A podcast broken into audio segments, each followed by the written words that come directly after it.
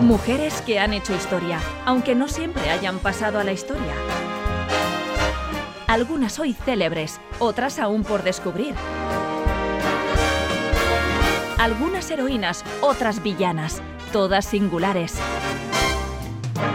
Es tiempo de hacer visible lo invisible.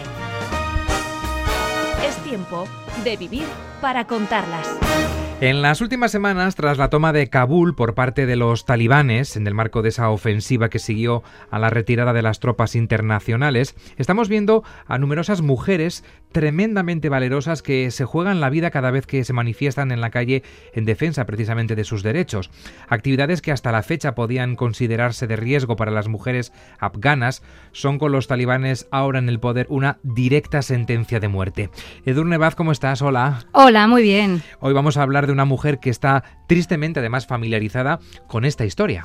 Sí, vamos a hablar de aquella niña que en 2012 sobrevivió a los disparos que un extremista descargó sobre ella en el interior de un autobús escolar.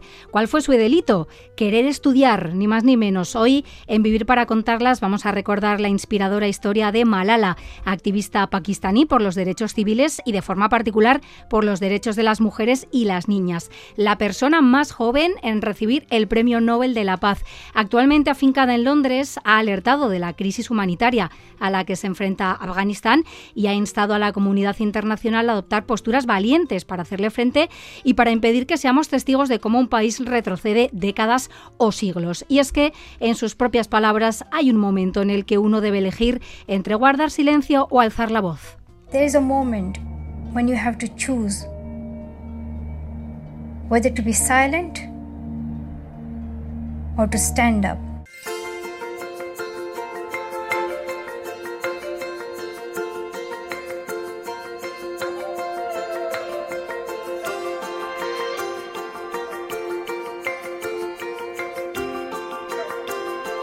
Y esta es una de esas biografías que tenía que estar aquí en Vivir para contarlas. Malala Yousafzai nació en Mingora, es una localidad al noroeste de Pakistán, lo hace el 12 de julio de 1997. Se crió en el seno de una familia musulmana sunita de la etnia pastún. Eh, ¿Ya su nombre nos da una pista del carácter que iba a tener Malala? Pues sí, ¿no? Porque su nombre significa afligido, triste, inmerso en la pena, a pesar de que su abuelo siempre se refería a ella como la niña más feliz del mundo. Pero es que su nombre también está vinculado a una historia de valor previa a la suya propia, la de Malalai de Maiwan, también conocida como la Juana de Arco afgana. Siaudin Yousafzai, el padre de Malala, profesor, propietario y director de una escuela, poeta y activista, fue el encargado de su educación y el inspirador de su compromiso personal con la lucha por los derechos humanos. Incluso cuando esto suponía un riesgo para su vida, inculcaba a sus alumnos, y así lo cuenta en el documental Él me llamó Malala un espíritu de rebeldía, una actitud analítica y crítica frente a la tradición y a las viejas costumbres, una invitación en definitiva a que expresaran sus propias opiniones. Has mencionado al padre de Malala. ¿Siempre hubo un vínculo muy poderoso entre ambos? Lo hubo desde que nació Malala y lo sigue habiendo en la actualidad. Son padre e hija y son colaboradores, ¿no? Él quiso, en palabras de la propia Malala, que en contra de lo habitual en su país, ella tuviera todas las oportunidades que habría tenido un chico, ¿no? Y en 2008 con solo 11 años, Malala habló del derecho a la educación en un club de prensa local. ¿Cómo se atreven los talibanes a eliminar mi derecho básico a la educación? planteó a los allí presentes, ¿no? Y la respuesta la dio ella misma tiempo después ante la Asamblea de Naciones Unidas. Los extremistas, dijo, estaban y están asustados de los libros y los lápices. El poder de la educación les asusta, el poder de la voz de las mujeres les asusta. Estaban y están asustados por el cambio e igualdad que traeremos a nuestra sociedad.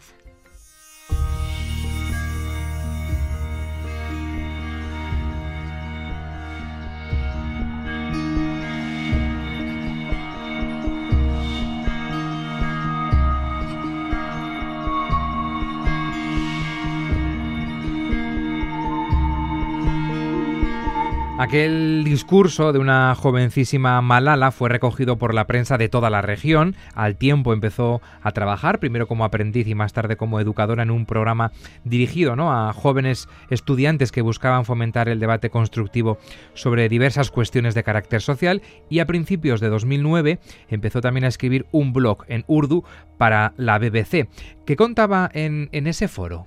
Bueno, la idea era que una joven estudiante narrara su día a día bajo la ocupación de los talibanes, los intentos de los extremistas por tomar el control del Valle de Suat y las atrocidades y restricciones a la libertad que a tal efecto se estaban produciendo. La situación, como imaginaréis, pues era tremendamente delicada, ¿no? Los talibanes iban de ciudad en ciudad formando grandes piras en las que ardían libros, películas, discos, todo lo que para ellos representara una inmoral desviación del camino impuesto. Y en Mingora, la localidad natal de Malala, habían establecido incluso un edicto que prohibía que las niñas asistieran a la escuela y para asegurarse de que así fuera, redujeron a escombros centenares de ellas. Y en este difícil contexto hubo una primera candidata a escribir el blog, que era una niña que estudiaba en la escuela del padre de Malala, pero al final sus padres se opusieron a que lo hiciera porque temían a las represalias que ya se estaban produciendo, ¿no?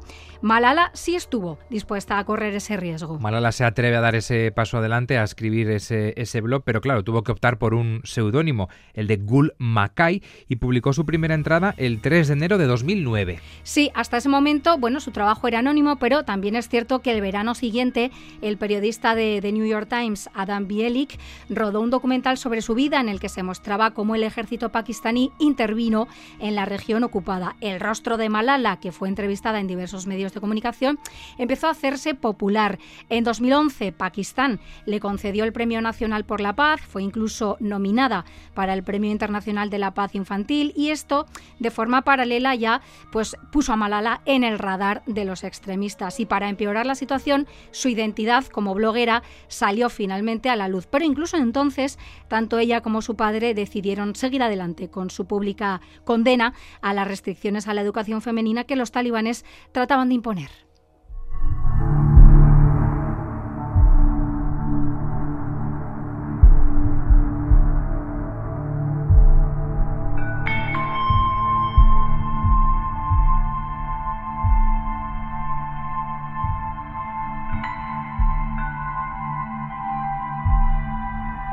Y como se pueden imaginar, el hecho de que se conociera la identidad real de esta bloguera, bueno, pues marcó un antes y un después en la vida de Malala. Y vamos a entrarnos precisamente en ese episodio. En la tarde del 9 de octubre de 2012, Malala, de 15 años, se subió con sus amigas al autobús escolar que debía llevarlas de vuelta a casa en el distrito pakistaní de Swat.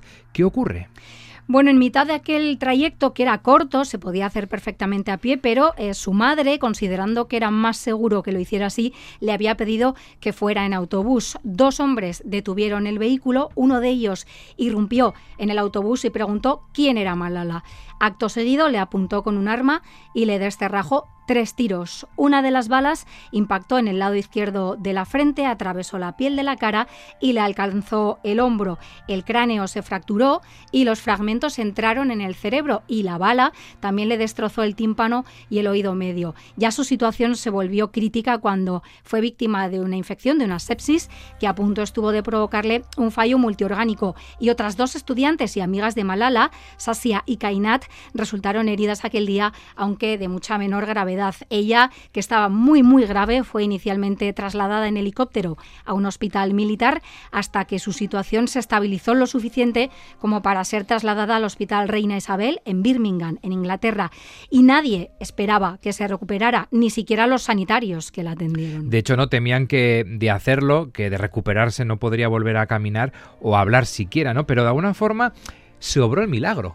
Sí, tras más de una semana en estado crítico y contra todo pronóstico, Malala despertó y sus primeras palabras fueron ¿Dónde está mi padre? Porque ella estaba segura de que los talibanes le habrían asesinado también, ¿no?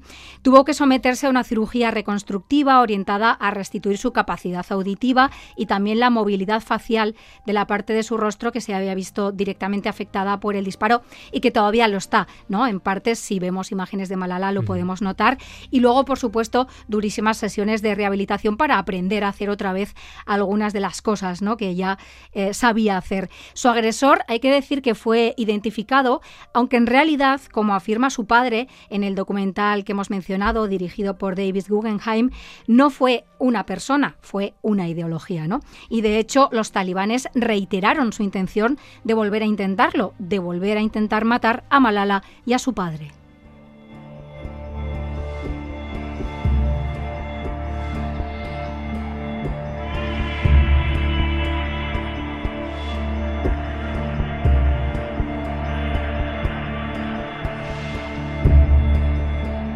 Este episodio que va a terminar por determinar aún más el carácter de, Malala, ¿no? Y mm. su, eh, bueno, pues no, no, no, sé si decir obsesión, pero bueno, sí su, su compromiso, su compromiso ¿no? Por eh, velar porque todas las personas, especialmente las mujeres en estos regímenes totalitarios, tengan derecho a la educación. Como digo, ese episodio va a determinar, ¿no? Su vida mucho más. Pero es que además este atentado cometido contra Malala eh, conmocionó a toda la comunidad nacional e internacional. ¿Cómo lo recogieron los diferentes medios de comunicación este hecho?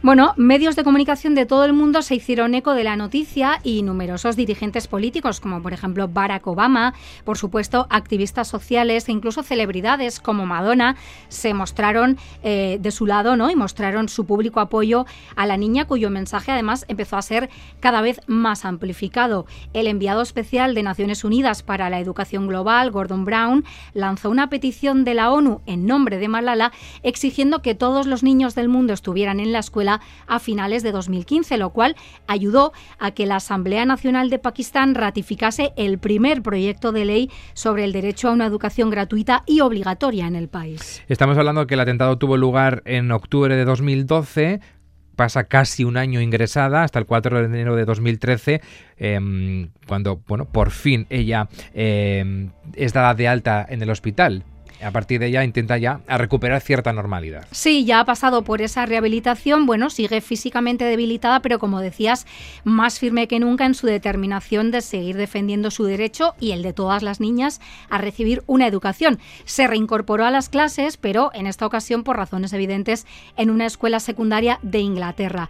Ese mismo año, su padre y ella fundaron el Fondo Malala con el objetivo de sensibilizar respecto a los beneficiosos efectos sociales y económicos de la educación de las niñas, la construcción de escuelas en Nigeria, Jordania, Siria, Kenia o Pakistán y también la concesión de becas de estudio a niñas de todo el mundo. Hay que decir que la figura del padre de Malala no ha quedado exenta de críticas porque no faltan quienes le reprochan que expusiera a su hija, que estaba abiertamente amenazada, como él, al peligro que finalmente la alcanzó, ¿no? Jamás pensé que se atreverían con una niña, ha dicho él en muchas ocasiones, ¿no? Y por su parte, la respuesta de Malala a estas críticas es siempre la misma. Él no me obligó, me dejó hacer lo que yo quería, ¿no? Yo elegí esta vida. De hecho, en ese discurso de aceptación del Nobel, em, habla precisamente ¿no? de sus padres y de la figura paterna, ¿no? como inspiradora ¿no? y de alguna forma impulsora de, ese compromiso que tiene ella. Los tiene muy presentes a ambos y siempre están con ella en esas ceremonias y bueno, en ese preciso discurso de aceptación del Premio Nobel de la Paz, ella decía un poco lo que escuchábamos al inicio, ¿no? que tenía dos opciones, callarse y esperar a que la mataran y la otra hablar alto y que entonces la mataran. ¿no? I had two options. One was to remain silent and wait to be killed. And the second was to speak up and then be killed. I chose the second one. I decided to speak up.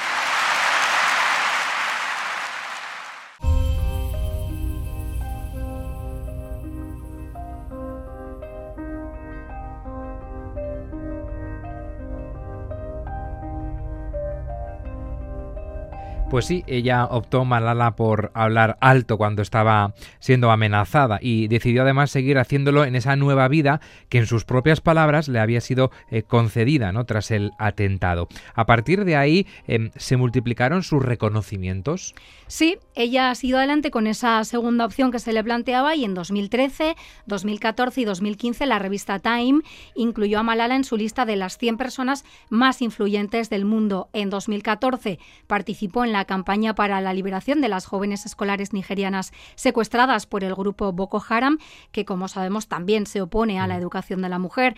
Entre otros muchos reconocimientos, recibió también el premio Simone de Beauvoir en Francia, el premio UNICEF de España por su defensa del derecho de las niñas a la educación, el premio Embajador de Conciencia de Amnistía Internacional, el premio Sájarov a la libertad de conciencia de la Eurocámara y en julio de 2013 recibió otro que fue un regalo de cumpleaños, porque ella celebró su decimosexto cumpleaños dirigiéndose al Pleno de la Asamblea de Naciones Unidas para, ante un público de 400 jóvenes de más de 100 países, pedir el acceso a una educación universal, gratuita, obligatoria y de calidad en todo el mundo.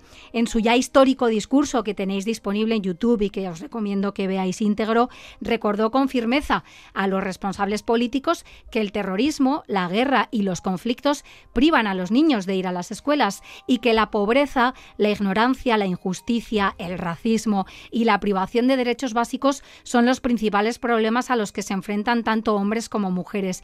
Insistió en que el Islam es una religión de paz y acusó a los terroristas de estar utilizándola, el nombre del Islam, en su propio beneficio.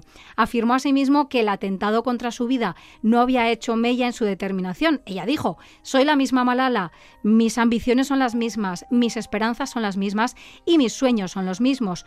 Murió la debilidad, el miedo y la desesperanza y nació la fortaleza, el poder y el coraje. Hay que escuchar en los discursos de Malala, no solamente este, también el de, el de aceptación del Nobel de la Paz entrevistas ¿no? que, que, ha concedido incluso a medios españoles. Hay que escuchar muy atentamente sus palabras. Bueno, es una niña que por circunstancias evidentes ha madurado muy rápido y la verdad es que habla con una increíble madurez, ¿no? En aquel emotivo discurso además nos recordó que somos conscientes de la importancia de la luz cuando solo vemos oscuridad y que somos conscientes de la importancia de nuestra voz cuando nos callan, ¿no? Nos invitó a servirnos del arma más poderosa que tenemos, la educación, y pronunció la que probablemente sea la más célebre de todas sus frases. Un niño un profesor, un libro y un bolígrafo pueden cambiar el mundo. Let us pick up our books and our pens. They are our most powerful weapons. One child, one teacher, one book, and one pen can change the world.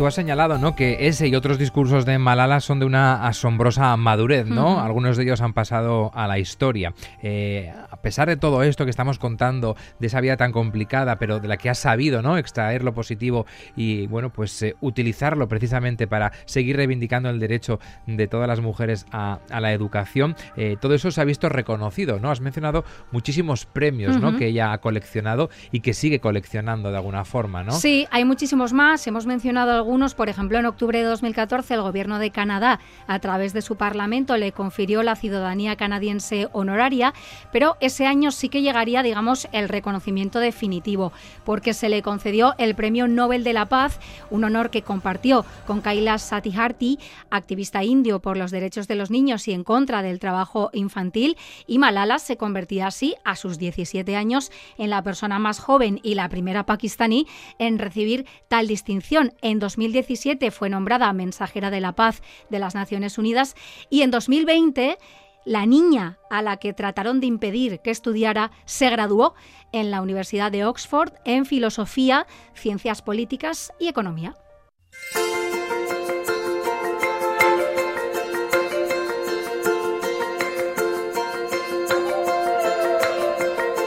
Afincados en Londres, tanto Malala como sus padres sueñan con volver algún día a Pakistán. Ella deseaba volver a su hogar familiar siquiera una vez. Em, ¿Lo ha hecho? ¿Ha vuelto a su tierra natal? Lo ha hecho de momento de forma parcial en una visita en 2018 rodeada de un gran dispositivo de seguridad. Volvió junto a sus padres y a uno de sus dos hermanos. Me fui con los ojos cerrados y ahora vuelvo con ellos abiertos, dijo en una visita que hizo a un colegio de la región. El pueblo pakistaní hay que decir que se encuentra dividido entre la admiración y el reproche. Algunos le acusan de ser un agente del extranjero manipulado o pagado para ofrecer una imagen perjudicial del país, hasta de trabajar para la CIA. La han acusado, ¿no? Ella, por su parte, siempre ha afirmado que está orgullosa de su país y que está orgullosa de su religión. Incluso ha manifestado su intención de regresar a su tierra de forma definitiva, como sueñan con hacer también sus mm. padres y sobre todo su madre, ¿no?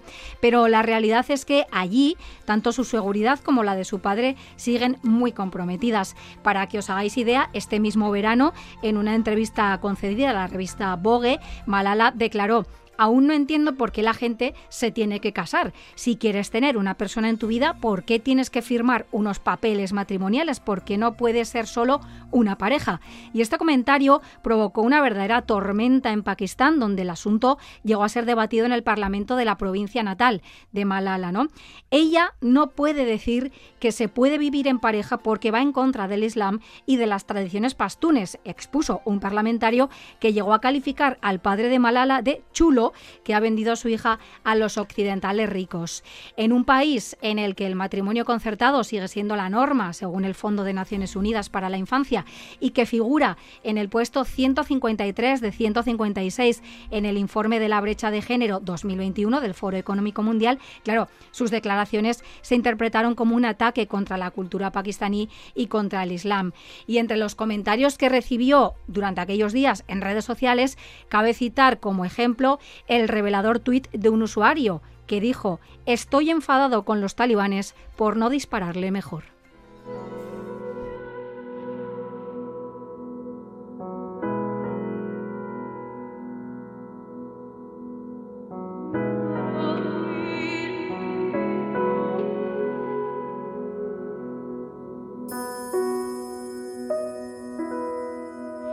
En este Vivir para contarlas, ya decíamos al principio que tenía que estar hmm. em, esta, esta mujer de valores firmes y con una madurez asombrosa, Malala, ¿no? Em, y hemos querido recordar precisamente su historia y su firme compromiso con solo 24 años que tiene en la actualidad, fijaos todo lo que ha vivido y lo que le queda por vivir, ¿no? Mm.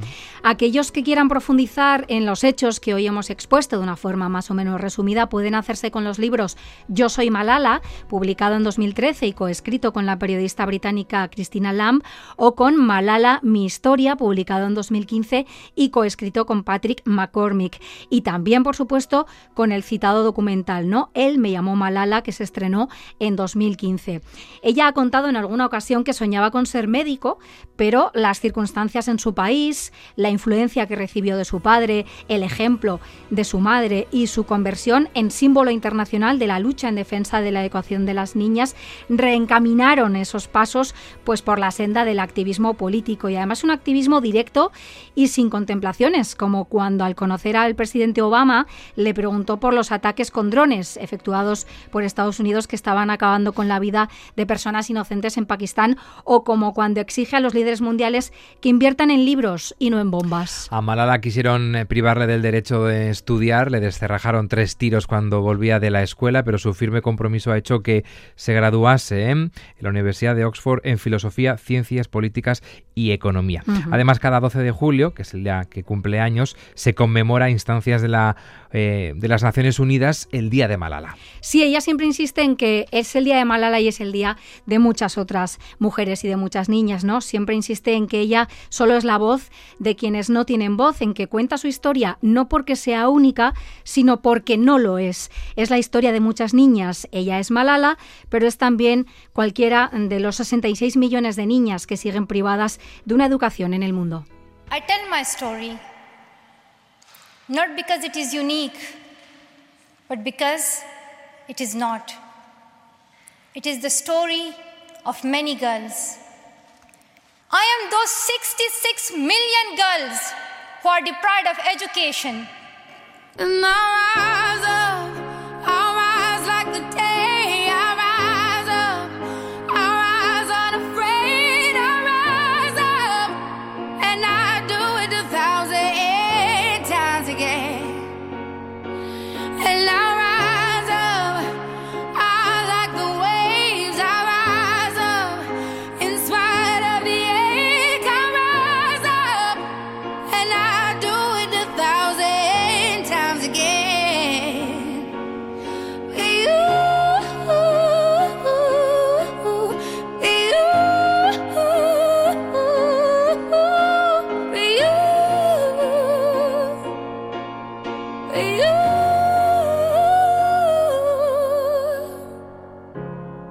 silence is a quiet and it feels like it's getting hard to breathe.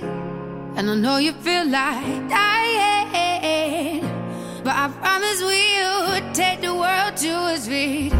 Move mountains, bring it to its feet.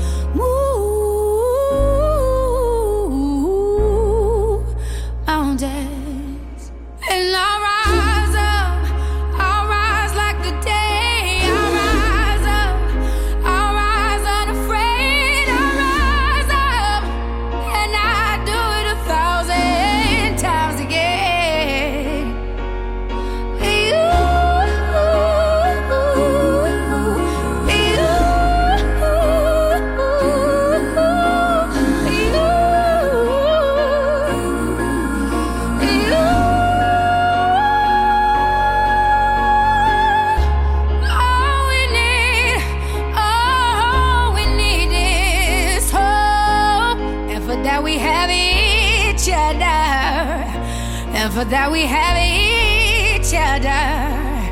And we will rise, we will rise, we will rise. Oh, we'll rise. I'll rise up, rise like the day. I'll rise up in spite of the ache. I will rise a thousand times again, and we'll